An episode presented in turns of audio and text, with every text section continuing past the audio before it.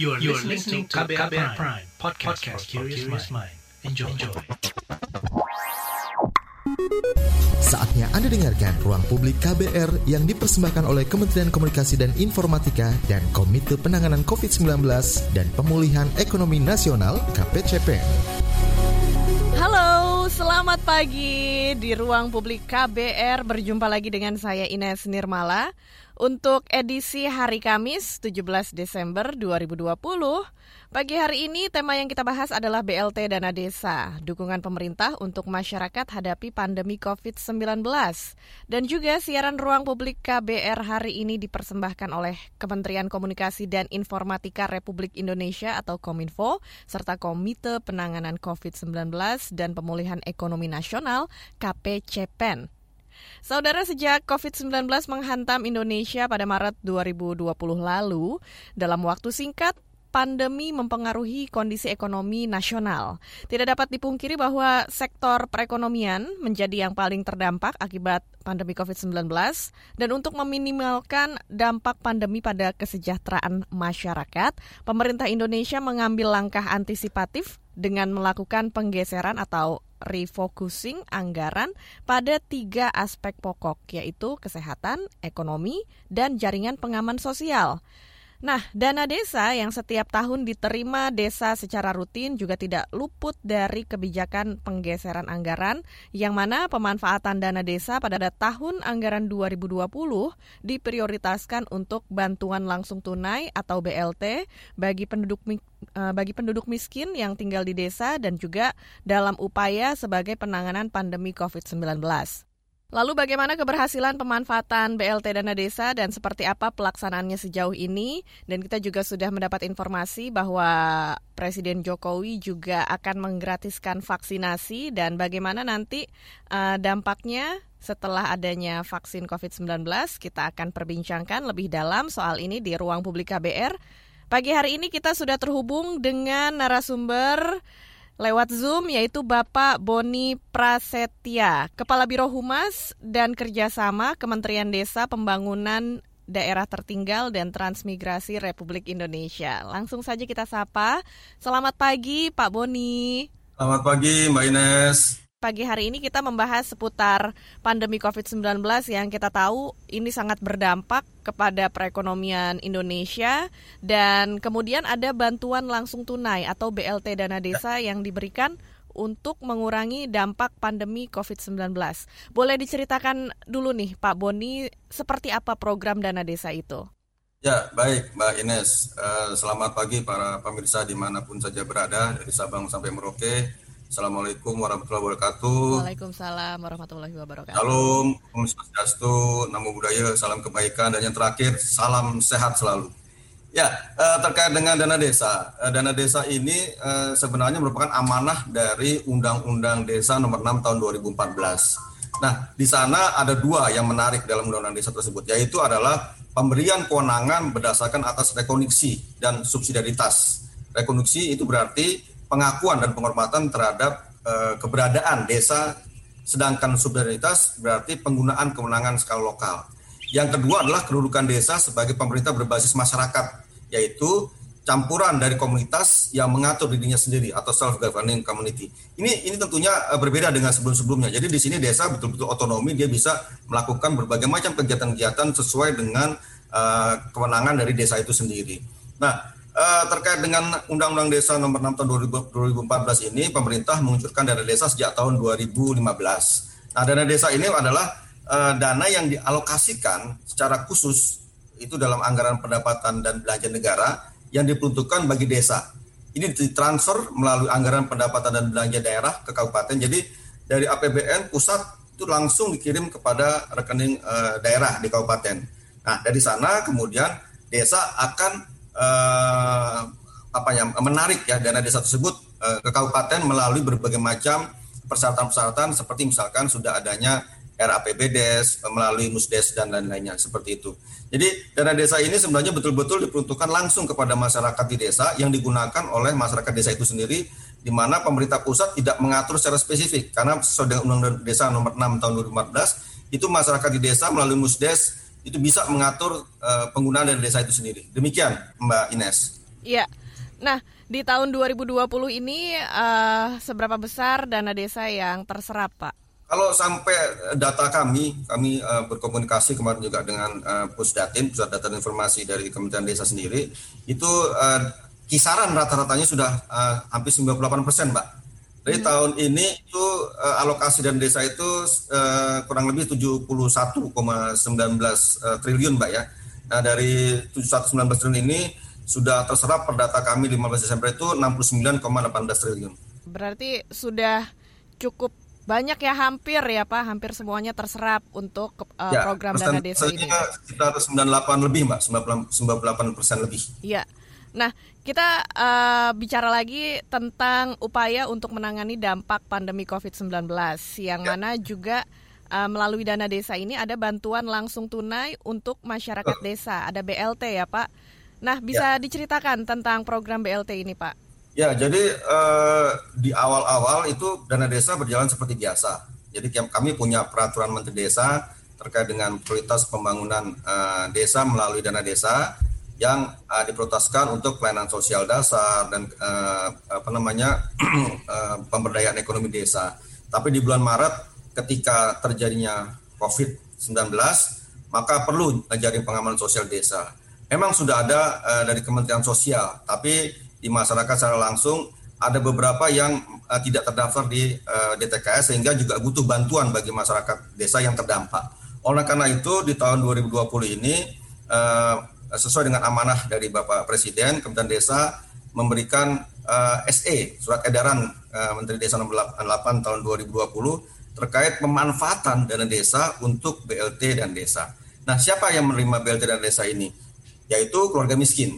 Jadi keluarga miskin non uh, program keluarga harapan bantuan. Jadi uh, kalau yang sudah dapat dari Kementerian Sosial maka tidak akan dapat double seperti itu. Hmm. Lalu juga keluarga yang kehilangan mata pencarian. Kemudian juga anggota keluarga yang rentan sakit malam kronis. Jadi hmm. memang betul-betul disasar yang terdampak secara langsung terhadap eh, COVID-19 ini. Begitu, Mbak? Iya. Nah, tadi Bapak sebutkan penerima BLT di dana desa ini adalah keluarga miskin. Untuk kriterianya seperti apa nih Pak untuk penerimanya? Kriteria uh, warga ya. miskin tersebut. Baik, uh, kriteria keluarga miskin sebenarnya tidak serumit uh, menggunakan indikator-indikator Mbak ya, karena yeah. ini darurat Mbak ya. Yeah. Ini tidak darurat. Jadi ini langsung, jadi langsung uh, relawan desa, ada tiga relawan desa COVID-19, itu juga sesuai dengan uh, SE dari kami, dari Kementerian Desa, itu langsung mendata mendata melalui basis dari RT RW secara langsung. Mm-hmm. Jadi ada spesifik kriterianya apakah dia itu uh, apa namanya miskinnya seperti apa. Tapi yang jelas contohnya dia tidak punya uh, penghasilan atau dia mm-hmm. kehilangan pendapatan atau dia rentan. Dari segi fisik kelihatan uh, dari misalkan bangunannya seperti itu. Nah, di data, di data semuanya data termasuk juga apakah mereka sudah menerima bantuan dari yang lainnya. Hmm. Kalau sudah menerima bantuan dari uh, Kementerian Sosial, mungkin itu sudah sudah dapat dari sana. Nah, setelah uh, pendataan tersebut diangkat ke dalam musyawarah desa khusus. Jadi kalau dana desa ini sebenarnya ada musdes. Musdes itu untuk menentukan prioritas penggunaan dana desa yang diputuskan oleh masyarakat desa. Tapi karena COVID-19 ini kan ada program BLT dana desa, nah di situ ada musyawarah desa khusus. Jadi data-data yang tadi sudah dikumpulkan dari basis masyarakat tadi dibawa ke musdes dipetakan, dilihat di sana semua sama-sama. Ini benar nggak? Pantas nggak menerima dari uh, eh, BLT dana desa?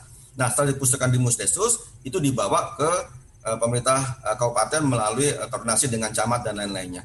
Jadi ini betul-betul basisnya pendataan di masyarakat secara langsung demikian, Mbak. Iya, kalau berdasarkan data, apakah sudah uh, dihitung berapa banyak uh, keluarga yang terbantu untuk menerima manfaat BLT dana desa ini, Pak? sejak awal ya Mbak, sejak awal ini kan penting ya. Penting kenapa? Karena ini sebagai transparansi ya, berapa yang yang menerima, siapa saja gitu. Kami punya datanya secara secara secara apa namanya? secara by name by address. Mm-hmm. Jadi uh, data yang kami punya dari dari teman-teman Pusdatin ini sudah terdapat 8 juta keluarga penerima manfaat, Mbak. Yeah. Jadi ada 8 juta 45 ribu uh, keluarga penerima manfaat. Iya. Sebagian yeah. besar memang 7 jutanya ini adalah petani dan buruh tani. Yeah yang nomor duanya adalah nelayan dan buruh nelayan. Jadi memang uh, sasarannya sudah jelas mengarahnya kepada uh, yang terdampak secara langsung terhadap uh, COVID-19 begitu, Mbak. Baik, Pak. Berbicara seputar BLT ini, Pak, sudah ya. sampai tahap keberapa di bulan Desember ini dan sudah dimulai sejak kapan sebenarnya? Dimulainya sejak langsung, Mbak. Jadi sejak sejak Covid ber, eh, ber apa namanya? Sejak Maret ya, Pak? Maret atau sejak Maret kan baru baru diumumkan ya. Iya. Maret diumumkan eh, langsung kami langsung eh, gerak cepat apalagi arahan dari Bapak Presiden sudah jelas jangan sampai masyarakat itu terdampak dimulainya sejak bulan April. Jadi kalau dihitung tahapannya yang Desember ini adalah tahapan ke-6 hanya ada perbedaan sedikit mbak dari uh, nilai rupiah yang diterima. Mm-hmm. Jadi kalau uh, nilai rupiah yang diterima di awal itu dari uh, di bulan April sampai bulan Juni itu sebesar 600 ribu. Kemudian yeah. di bulan Juli sampai Desember itu 300 ribu.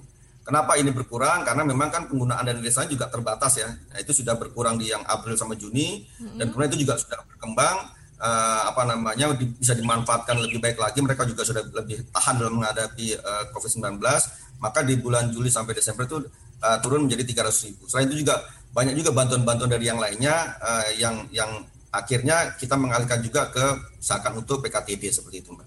Nah, uh, di sini juga selain BLT atau bantuan langsung tunai juga ada program lainnya padat karya tunai desa. Nah, bisa ya, dijelaskan betul. Pak, apa ini padat karya tunai desa? Ya, jadi kalau kalau kita uh, padat karya tunai desa ini sebenarnya juga sebagai jaring pengaman untuk orang-orang yang kehilangan pencarian. Nah, padat karya tunai desa ini sebenarnya sudah ada eh, sebelumnya juga sudah ada. Jadi sejak sejak 2018 itu sudah ada. Nah, apalagi ketika bicara COVID-19 ini banyak yang mata, kehilangan mata pencarian, banyak yang dari kota pulang ke desa, maka spesifik dikeluarkan lagi SE nomor eh, di dalam SE nomor 8 tahun 2020 dari Kementerian Desa yaitu terkait dengan padat karya tunai desa ini. Jadi padat karya tunai desa ini lebih kepada bagaimana Eh, pekerja-pekerja uh, yang menganggur atau setengah menganggur yang ada di desa itu, termasuk juga misalkan perempuan kepala keluarga, uh, itu uh, bisa bekerja di desa.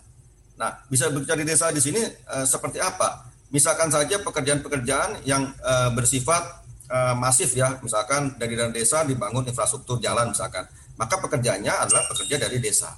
Lalu juga uh, bisa digunakan juga untuk kegiatan-kegiatan lain yang berkaitan dengan ketahanan pangan. Jadi misalkan terkait dengan uh, pertanian, terkait juga dengan uh, perikanan, peternakan atau industri pengolahan desa itu juga bisa dimanfaatkan melalui uh, padat karya tunai desa ini yang mana akan diberikan kepada upah kepada masyarakat yang bekerja di desa dan upahnya ini harian Mbak diberikannya. Jadi bukan bulanan atau mingguan tapi memang harian secara langsung yang nilainya uh, berkisar 100 ribu minimal seperti itu. Oke, Pak Boni kita akan lanjutkan obrolan kita di ruang publik KBR, tapi sekarang saatnya kita jeda dulu sejenak. Kita akan kembali lagi setelah yang berikut ini. Masih Anda dengarkan Ruang Publik KBR yang dipersembahkan oleh Kementerian Komunikasi dan Informatika dan Komite Penanganan COVID-19 dan Pemulihan Ekonomi Nasional KPCPN. Masih Anda dengarkan siaran Ruang Publik KBR yang dipersembahkan oleh Kementerian Komunikasi dan Informatika Republik Indonesia atau Kominfo, serta KPCPEN, Komite Penanganan COVID-19 dan Pemulihan Ekonomi Nasional, dan pagi hari ini kita membahas seputar bantuan langsung tunai atau BLT dana desa, dukungan pemerintah untuk masyarakat hadapi pandemi COVID-19 bersama dengan narasumber kita, yaitu Bapak Boni Prasetya, Kepala Biro Humas dan Kerjasama Kementerian Desa, Pembangunan Daerah Tertinggal dan Transmigrasi Republik Indonesia. Tadi sebelum jeda saya sudah membahas bersama Pak Boni seputar program padat karya tunai desa dan Pak Boni saya masih mau tahu nih seputar padat karya tunai desa. Ini uh, memang bisa men menjadikan lapangan kerja lebih besar ya di desa dan bagaimana mengimplementasikannya, apalagi selama masa pandemi COVID-19 ini? Ya, sudah jelas tetap harus ketat e, mengikuti aturan protokol kesehatan. Jadi e, ketika bekerja pun e, jarak tetap harus dijaga. Di dalam SE kami itu 2 meter. Jadi ketika misalkan bekerja melakukan pembuatan jalan desa, maka itu antar pekerja itu 2 meter.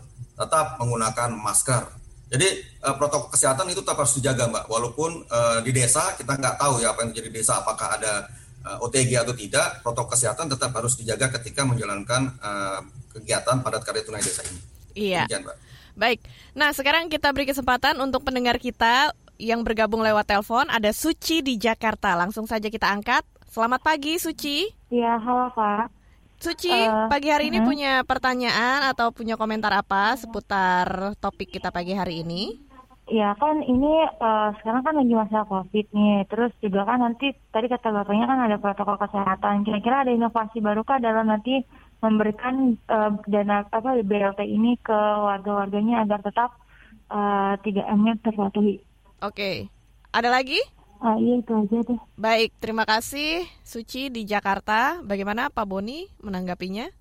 Jadi uh, dana desa ini juga bisa digunakan sebagai uh, pencegahan COVID juga, Mbak. Jadi untuk isolasi, untuk uh, masker ya, masker uh, di desa itu kita gunakan juga, bisa digunakan juga untuk sana. Baik, ada pertanyaan juga dari pendengar kita, uh, Bapak Yunus di Yogyakarta. Ini bertanya, bagaimana untuk memastikan BLT uh, eh, yang diberikan ini sesuai tepat sasaran dan kalau belum ada kalau ada yang belum menerima BLT-nya, apa yang harus dilakukan? Ya, baik. Uh, jadi tadi sudah saya jelaskan di awal, mm -hmm. uh, pendataan di desa ini uh, langsung oleh relawan desa COVID-19. Relawan desa ini ya masyarakat di desa. Sebagai ketuanya adalah kepala, kepala desa atau kepala uh, atau kepala kampung. Jadi turun langsung mendata melalui RT RW. Lalu dibawa ke Musdesus. Nah, jika ada sesuatu yang uh, ingin disampaikan atau ditambahkan, itu terbuka oleh masyarakat sendiri. Karena nanti hasil dari pendataan itu ditempel, Mbak. Ditempel untuk dilihat jadi masyarakat bisa langsung mengecek secara langsung. Itu benar-benar transparansi sekali. Nah setelah clear dari Musdesus, eh, itulah yang akan dibawa uh, kepada uh, disahkan oleh uh, kabupaten. Kalau bupatinya agak susah, lewat camat pun juga bisa disahkan. Dan itu menjadi dasar untuk pemberian kepada masyarakat yang terdampak tadi. Demikian, Mbak. Iya. Berikutnya juga ada pertanyaan dari Ayu lewat live chat di YouTube kita. Jumlah penerima bantuan langsung tunai dana desa setiap desa berbeda-beda. Apakah anggaran ya. di semua desa sama rata atau disesuaikan dengan jumlah kebutuhan tiap desa masing-masing? Bagaimana Pak Boni? Ya, ya ini sebenarnya menjadi kendala, Mbak. Ya. Jadi gini, kendalanya begini. Di awal-awal sudah sudah ada uh, uh, apa namanya anggaran pendapatan belanja desa yang diputuskan oleh Musdes bahwa dana desa digunakan untuk ABC gitu. Tapi begitu ada dampak COVID, maka harus ada buat BLT dan desa. Sehingga alokasi BLT dan desa bisa berbeda-beda di masing-masing daerah. Nah, uh, kami terus mengawal itu. Dari, data kami memang ada yang uh, kalau sampai tidak dapat itu nggak ada mbak ya. Tapi di akhir-akhir, kalau di awal aman. Tapi ketika di akhir-akhir ada yang memang dari desa sudah selesai, sudah habis gitu. Nah, dengan kondisi seperti ini memang tidak bisa lagi uh, diberikan BLT dan desa karena memang sudah tidak ada. Tapi kalau masih ada, maka itu bisa dilakukan perubahan, revisi dari APBDes. Nah, revisi APBDes ini menjadi dasar untuk uh, pengal pengalih uh, lokasian uh, anggaran yang tadinya buat yang lain ke uh, untuk uh, COVID-19 yaitu uh, melalui BLT dan desa. Demikian Mbak Ines. Baik, berikutnya juga kita beri kesempatan untuk pendengar kita lewat telepon yang bergabung. Ada Pak Ali di Bekasi. Halo, selamat pagi Pak Ali. Iya, selamat pagi Mbak Ines. Iya, bagaimana Pak Ali iya. punya komentar atau pendapat? Ini biarpun pertanyaan? saya asli biarpun saya asli Tegal tapi saya sudah KTP Bekasi. Iya, Pak. Cuma saya tuh heran ya. Maksud saya ini kayak bantuan-bantuan yang selama ini ada itu yang pada ngontrak KTP-nya bukan Bekasi pada dapat tapi saya malah yang ngontrak kayak yang asli punya KTP Bekasi malah nggak dapet. Ini bagaimana datanya? Dari mana? Saya tanyakan sudah ke kelurahan. Katanya berdasarkan data dari RT RW. Iya. Apa Pak Ali sudah mendaftarkan diri juga ke RT Saya memang baru pindah. Saya memang baru pindah. Ya. Baru pindah. Jadi memang apa namanya mungkin belum saya sudah daftar dari pertama sudah laporan tapi nggak okay. tahu ya. Oke. Okay. Terima kasih ya. Eh, Terima Maksud kasih. saya, ya. ini prosesnya bagaimana dijelaskan dengan ini ya. Saya mau menyimak ini. Oke. Okay. Prosesnya dari dari pemerintah ya. sampai RT RW. Ya, baik. Terima kasih Pak Ali di Bekasi. Mungkin Pak Ali juga ingin tahu mekanismenya seperti apa ya. Pak Boni bisa langsung ditanggapi. Ya, Pak Ali, terima kasih. Sekali lagi saya jelaskan bahwa mekanismenya itu adalah pendataan secara langsung Pak kalau untuk BLT dana desa Saya hanya bicara dana desa ya. Kalau bantuan-bantuan yang lain saya tidak akan uh, sampaikan karena akan berbeda-beda dan uh, bukan di kewenangan dari Kementerian Desa. Jadi ada relawan desa yang akan mendata melalui RT dan RW, Pak. Jadi uh, Bapak kalau memang ada sesuatu yang kurang pas itu disampaikan ke RT RW. Nah, nanti dari relawan dan RT RW yang mendata uh, penduduknya yang memang ada di situ melihat apakah kriteria yang ada itu memang sesuai seperti kehilangan pekerjaan, memang eh, apa namanya keluarga miskin dan lain itu sesuai. Nah setelah itu dibawa Pak ke dalam musyawarah desa khusus. Musyawarah desa khusus ini terdiri dari masyarakat-masyarakat juga. Jadi ada barang perusahaan desa di mana masyarakat diundang untuk sama-sama mengecek lagi ada tidak yang eh, kelewatan, ada tidak yang seharusnya tidak dapat kok ada namanya di sana. Jadi itu betul-betul dicek oleh masyarakat desa sendiri kami di Kementerian Desa tidak tidak ada ada hal-hal yang secara langsung, tapi memang itu kewenangannya ada di desa sendiri yang menentukan sendiri seperti itu. Nah dari situlah nanti akan diputuskan nama-namanya yang akan menerima bantuan. Jadi kalau Pak Ali uh, ada ada apa namanya ada beberapa hal yang kurang pas, bisa ditanyakan Pak ke RT RW-nya uh, di sana bagaimana uh, musdesusnya apakah Pak Ali juga sudah ikut atau belum di sana gitu ya dan uh, transparansinya ditempel uh, nama-namanya itu apakah sudah dilakukan atau belum. Kalau memang itu tidak dilakukan, kami juga siap Pak menerima uh, pengaduan-pengaduan dari masyarakat. Kami punya uh, sepemandu.go.id yang bisa secara langsung ada call center, ada WA yang nanti akan saya sampaikan uh, nomor-nomornya. Demikian Mbak Ines. Iya, baik Pak. Nah, berikutnya kita juga jawab pertanyaan dari pendengar kita yang sudah bergabung lewat YouTube. Ada Dani Setiawan. Uh, bertanya begini, Pak. Masih ada nggak sih kepala desa yang belum melaporkan pertanggungjawaban dana desa tahun sebelumnya? Kalau ada, bagaimana itu? Dan dalam masa pandemi sekarang ini, apakah pemerintah tetap menyalurkan kalau tidak ada pelaporan? Ya, uh, terkait dengan kepala desa yang tidak melaporkan, dana desanya seharusnya sudah tidak ada ya. Kalau tidak kalau dia tidak melaporkan maka dia tidak akan mendapatkan dana desanya. Itu sudah ada di dalam PMK nomor uh, PMK nomor 101 di Kementerian Keuangan. Jadi uh, pelaporan itu melalui sistem keuangan desa. Nah, di sini memang uh, ranahnya sudah di Kementerian Keuangan. Kementerian Keuangan yang akan menerima semua penggunaan dana desa di tahun-tahun sebelumnya. Kalau di Kementerian Desa lebih kepada kita melihat apakah dana desa itu dimanfaatkan sesuai dengan uh, prioritas yang ada di masyarakat desa itu. Demikian Mbak Ines. Oke, baik Pak Boni kita akan lanjutkan lagi obrolan kita seputar BLT Dana Desa dan nanti juga uh, Pak Boni bisa memberikan informasi bagaimana masyarakat uh, jika ingin mengadu apakah ada hotline yang bisa dituju jika terdapat masalah terkait pendataan dan penyaluran bantuan langsung tunai ya Pak ya. Ya, ya. tapi kita akan bahas setelah jeda yang berikut ini. Jangan ke mana-mana, tetap di ruang publik KBR. Masih Anda dengarkan Ruang Publik KBR yang dipersembahkan oleh Kementerian Komunikasi dan Informatika dan Komite Penanganan COVID-19 dan Pemulihan Ekonomi Nasional KPCPN.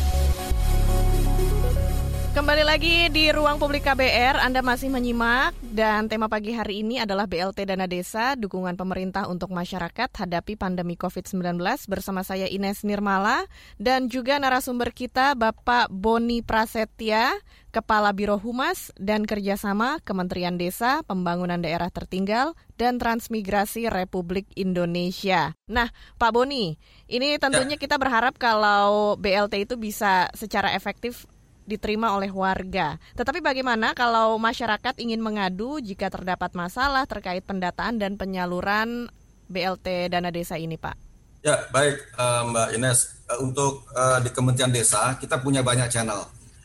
Yang pertama adalah kita bisa melalui web. Jadi kita punya khusus sistem berbasis web yaitu sipemandu.go.id. Jadi sipemandu.go.id ini anda bisa mengisi formulir terkait dengan pengaduan-pengaduan yang langsung akan kita tanggapi. Dan itu uh, masyarakat akan diberikan tiket. Nah, tiketnya itu akan bisa dilihat secara langsung di web tersebut. Yang mana ketika sudah uh, terjawab, maka ada yang bisa di-download hasil dari pertanyaan atau pengaduan tersebut. Tentunya harus komplit data-data identitasnya dan juga dokumen-dokumen apa yang diadukan. Itu yang pertama. Kalau sekedar hancur saja kita juga punya uh, Facebook, punya Twitter, itu juga ada juga yang bisa di sana juga tapi kalau melalui WA juga boleh. WA kita punya WA-nya nomornya 0877 ya. 87 99 0040. Saya ulangi lagi 0877 87 99 0040. Lalu kalau call center kalau ingin nelpon secara langsung pun kita juga punya yaitu 15040. Ini kalau seandainya ingin menelpon. Nah, kalau mau datang pun juga kita layani. Kita punya PPID ya eh, di, di di lobi utama. Jadi Anda bisa langsung ke sana ketika ingin mengadukan. Lalu juga ada SMS tapi ini mungkin kalau SMS sudah sudah jarang ya, eh, lebih banyak kepada WA WA. SMS kita punya di 0812 88990040. Ya. Jadi ini adalah berbagai macam kanal-kanal pengaduan atau uh, sekedar ingin penyampaian informasi atau butuh informasi, masyarakat bisa mengakses di sana. Demikian Mbak Ines. Iya. Ada banyak cara untuk mendapatkan informasi atau memberikan pengaduan untuk menjangkau uh, seputar uh, penyaluran BLT ini kalau ingin menghubungi bisa lewat website tadi ya Pak ya di sipemandu.go.id ya. atau WhatsApp juga lebih simpel di 0877 8799 0040. Nah, Pak tentunya kita tahu bahwa bantuan langsung tunai dana desa ini adalah kebijakan untuk membantu warga dalam menghadapi dampak pandemi COVID-19.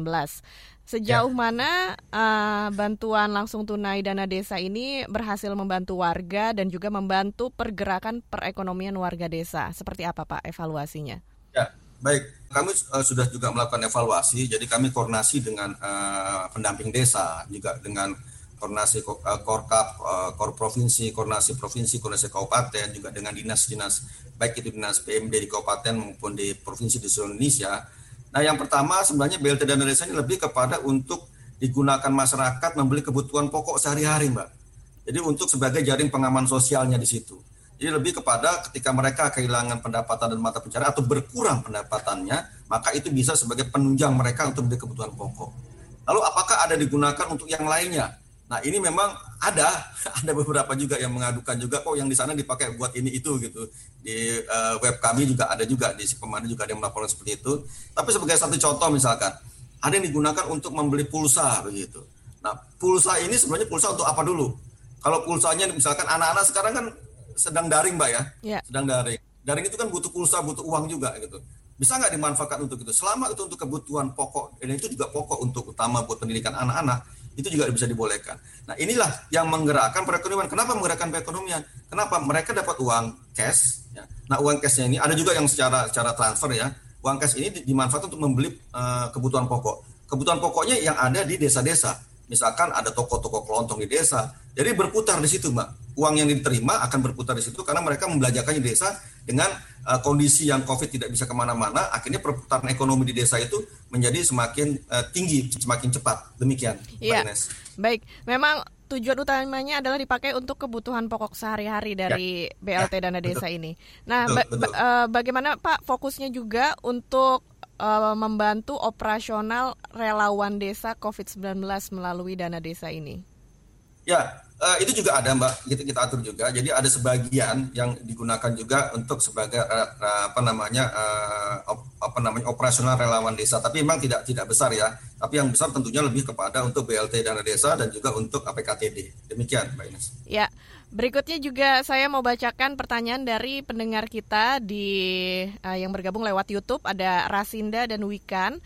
BLT dana desa mohon dapat dikawal dengan baik agar tidak terjadi penyelewengan dan siapa yang mengawasi dana BLT ini?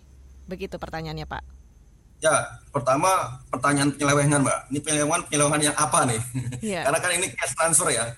Ini bukan bukan uh, eh, BLT itu bukan dibelikan barang, yang membelikan barang itu uh, misalkan aparat desa, bukan. Ini adalah cash transfer. Jadi uang itu diterima oleh si keluarga penerima manfaat secara langsung, begitu. Jadi kalau kata penyelewengan di sini penyelewengannya dalam hal apa? Itu yang harus kita dalami lagi, ya. Nah, yang mengawasi siapa? Ya, yang mengawasi tentunya masyarakat di desa karena yang memutuskan pun juga masyarakat di desa sendiri, gitu. Nah, ketika ada deadlock di sana, ya ada deadlocknya artinya, mohon maaf, misalkan saja ada hal-hal yang kurang kurang kurang bagus komunikasinya di sana antara masyarakat dengan aparat desa. Itu bisa melalui kami melakukan mediasi, yaitu melalui tadi uh, kanal-kanal pengaduan tadi. Demikian Mbak Ines. Ya, jadi proses penyalurannya itu melalui rekening bank ya Pak kepada keluarga penerima manfaat. Bisa seperti itu. Jadi uh, di awal kita coba itu, kita coba itu, tapi ternyata kalau kita bicara di Indonesia bagian timur, ya. beberapa daerah-daerah di NTT, di Maluku Utara itu nggak memungkinkan kami sudah bekerja sama dengan Himbara. Jadi ya. penyaluran dana desa melalui Himbara dan juga melalui pos. Nah, sama cuma memang uh, ketika daerah-daerah tertentu itu memang uh, agak sulit dijangkau melalui himbara atau melalui uh, bank-bank tersebut. Sehingga akhirnya memang cash pemberian cash melalui kantor pos secara langsung begitu. Iya. Jadi walaupun itu ke desa-desa yang terpelosok, dana desa ini juga sudah terserap juga oleh mereka, Pak? Sudah. Ya, kami uh, mendata itu memang bahkan semua pejabat di Kementerian Desa itu diminta untuk me, me, apa namanya memonitoring jadi ini amanah dari Pak uh, Pak Menteri. Semua pejabat di Kementerian Desa harus eh, menelpon satu-satu, Mbak. Dan kami membuat laporan itu seminggu bisa dua tiga kali. Uh, ya. Memang dari hasil laporan tersebut ketahuan bahwa yang dari remote ini agak susah. Susahnya tadi uh, pengiriman uang dari kabupaten ke, ke desa itu membutuhkan waktu yang lama sehingga agak sedikit terhambat. Tapi uh, tetap itu uh, diterima oleh masyarakat berdasarkan dengan laporan dari uh, pendamping maupun dari uh, koordinator kabupaten yang ada di masing-masing uh, daerah. Ya, jadi uh, dipastikan agar BLT ini bisa tepat sasaran, diterima oleh para keluarga yang membutuhkan ya, Pak. Ya, ya, ya. Nah, dan kami uh, datanya by name by address, Mbak. Mm -hmm. Jadi data ini betul-betul by name by address. Uh, ketika itu ada salah satu uh, pimpinan di Komisi Pemberantasan Korupsi yang datang ke, ke tempat kami, yeah. langsung mengecek. Coba dong, saya ingin cek nama ini ada nggak gitu. Kami cek pak, datanya by name by address itu memang ada. Mm-hmm. Nah jadi artinya uh, di sana dicatat kemudian dilaporkan ke kami secara update, secara real time begitu. Iya. Oke, nah berbicara dengan uh, tahun anggaran berikutnya dana desa 2021, ya. bagaimana nih Pak? Berapa anggarannya dan juga apa saja prioritasnya untuk dana desa 2021 untuk mendorong pemulihan ekonomi? Ya, baik untuk khusus dana desa memang sebenarnya seperti saya sampaikan di awal tadi itu bukan uh, kewenangan dari Kementerian Desa Mbak ya. Dan desa itu pemutusan uh, keputusan pemberian nilainya berapa itu ada di Kementerian Keuangan. Ya. Tapi Kementerian Desa bertugas untuk uh, mendampingi masyarakat agar pemanfaatan dana desa itu bisa optimal. Kalau kisaran angkanya memang tidak tidak tidak jauh dari angka angka yang sekarang ya, sekitar 71 sampai 72 triliun untuk seluruh Indonesia. Nah, Eh, bagaimana nanti pemanfaatannya? Nah ini ranah Kementerian Desa. Kementerian Desa sudah mengeluarkan Permendes nomor 13 tahun 2020 eh, ya. Jadi di di Permendes ini uh, akan saya coba bacakan bahwa prioritas penggunaan desa 2021 ini itu satu yaitu untuk pemulihan ekonomi nasional sesuai kewenangan desa. Maksudnya bagaimana? Tadi saya akan sampaikan di awal ada kewenangan desa. Desa yang tahu persis bagaimana memulihkan ekonomi yang ada di desanya. Nah, kami hanya memberikan list saja ini coba misalkan Anda bikin industri masker, itu kami hanya memberikan semacam ide-ide. Tapi nanti eh, masing-masing desa yang memutuskan tersendiri melalui musyawarah desa. Lalu yang kedua adalah program prioritas nasional sesuai dengan kewenangan desa lagi. Apa contohnya program prioritas nasional yang disampaikan oleh Bapak Presiden misalkan untuk kawasan wisata misalkan. Nah kawasan wisata desa bisa nggak? Bisa. Desa digital, desa wisata. Ini juga bisa, tapi lagi-lagi itu sesuai dengan kewenangan desa. Dan yang ketiga, tidak boleh tidak, masih harus tetap kepada adaptasi kebiasaan baru desa. Ini terkait dengan COVID-19 yang memang sekarang sudah sudah akan uh, diberikan vaksinnya secara gratis itu luar biasa sekali uh, uh, kemarin disampaikan oleh Pak Presiden. Yeah. Tapi tetap kita harus menjaga uh, adaptasi kebiasaan dana baru desa ini. Tetap masker, tetap protokol kesehatan itu tetap uh, dijaga. Jadi itu yang menjadi prioritas uh, uh, penggunaan dana desa 2021 Uh, yang mana juga ada satu hal lagi, yaitu adanya SDGs desa. Ini merupakan hal yang baru dari uh, uh, uh, Pak Menteri, Gus Menteri, yang mana bagaimana kita melihat keberhasilan desa itu berdasarkan indikator global SDGs. Ya, salah duanya adalah desa tanpa kemiskinan dan desa tanpa kelaparan. Demikian, Mbak Ines. Oke, baik Pak, kita akan lanjutkan lagi obrolan kita setelah jeda yang berikut ini dan memang uh, sangat bermanfaat sekali kita membicarakan tentang BLT Dana Desa dan dukungan pemerintah untuk menghadapi uh, untuk masyarakat menghadapi pandemi COVID-19 dan ya. Anda juga jangan ke mana-mana tetap di siaran ruang publik KBR kita akan kembali lagi setelah yang satu ini. Commercial Break. Psikolog klinis Gisela Tani Pratiwi membagi tips caranya berdamai dengan trauma masa kecil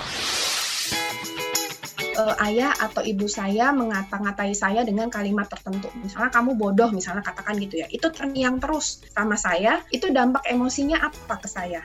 Gitu ya. Jadi pemicunya apa, dampak emosinya apa, lalu sensasi badannya seperti apa, kemudian pemikiran apa yang muncul. Oh iya, memang saya bodoh, saya nggak bisa ngapa-ngapain. Terus emosinya saya jadi merasa sangat sedih, sangat menyalahkan diri kayak gitu ya segala macam. Nah itu dikenali dulu aspek-aspek ini. Kalau misalnya sudah dikenali, bisa dikeluarkan. Simak obrolan selengkapnya dalam podcast Disko Diskusi Psikologi dalam episode Berdamai dengan Trauma Masa Kecil di kbrprime.id dan platform mendengar podcast lainnya. Masih Anda dengarkan Ruang Publik KBR yang dipersembahkan oleh Kementerian Komunikasi dan Informatika dan Komite Penanganan COVID-19 dan Pemulihan Ekonomi Nasional KPCPN. Sekarang kita sudah masuk ke bagian akhir ruang publik KBR yang membahas tema seputar BLT Bantuan Langsung Tunai Dana Desa, dukungan pemerintah untuk masyarakat hadapi pandemi COVID-19 yang dipersembahkan oleh Kominfo dan KPCPEN, Komite Penanganan COVID-19 dan Pemulihan Ekonomi Nasional. Bersama saya Ines Nirmala dan juga narasumber kita, Bapak Boni Prasetya, Kepala Biro Humas dan Kerjasama Kementerian Desa, Pembangunan Daerah Tertinggal, dan Transmigrasi Republik Indonesia. Pak Boni, ada juga pertanyaan dari Bapak Johan Sawor. Bagaimana Pak kalau ada desa yang memberikan BLT tidak sesuai dengan ketentuan pemerintah? Lalu ada juga uh, pertanyaan apa yang harus dilakukan kalau uh, sebagai pekerja terdampak sudah daftar dan didata tetapi tidak dapat bantuan langsung tunai? Ya baik Mbak, uh, seharusnya tidak terjadi ya. Artinya karena kan itu sudah sudah jelas uh, aturannya adalah 16.000 untuk di bulan April sampai bulan Juni, kemudian sisanya ada 13 300.000. Ini sudah diperhitungkan oleh uh, ke apa ketersediaan dana desa yang ada gitu. Jadi dana desa kan tidak hanya melulu untuk BLT dana desa dan juga untuk PKT tapi untuk yang lainnya. Nah, kemudian yang kedua, pertanyaan yang kedua terkait dengan dengan uh, tidak terdatanya tadi, lagi-lagi kalau ini kita bicaranya hanya BLT dana desa ya, jangan bicara melebar ke yang uh, yang lain-lainnya. Yeah. Kalau di dalam amanah BLT dana desa sudah jelas, itu semuanya adalah kewenangan di desanya. Jadi ketika ada sesuatu disesuai di, di apa namanya diselesaikan melalui desa.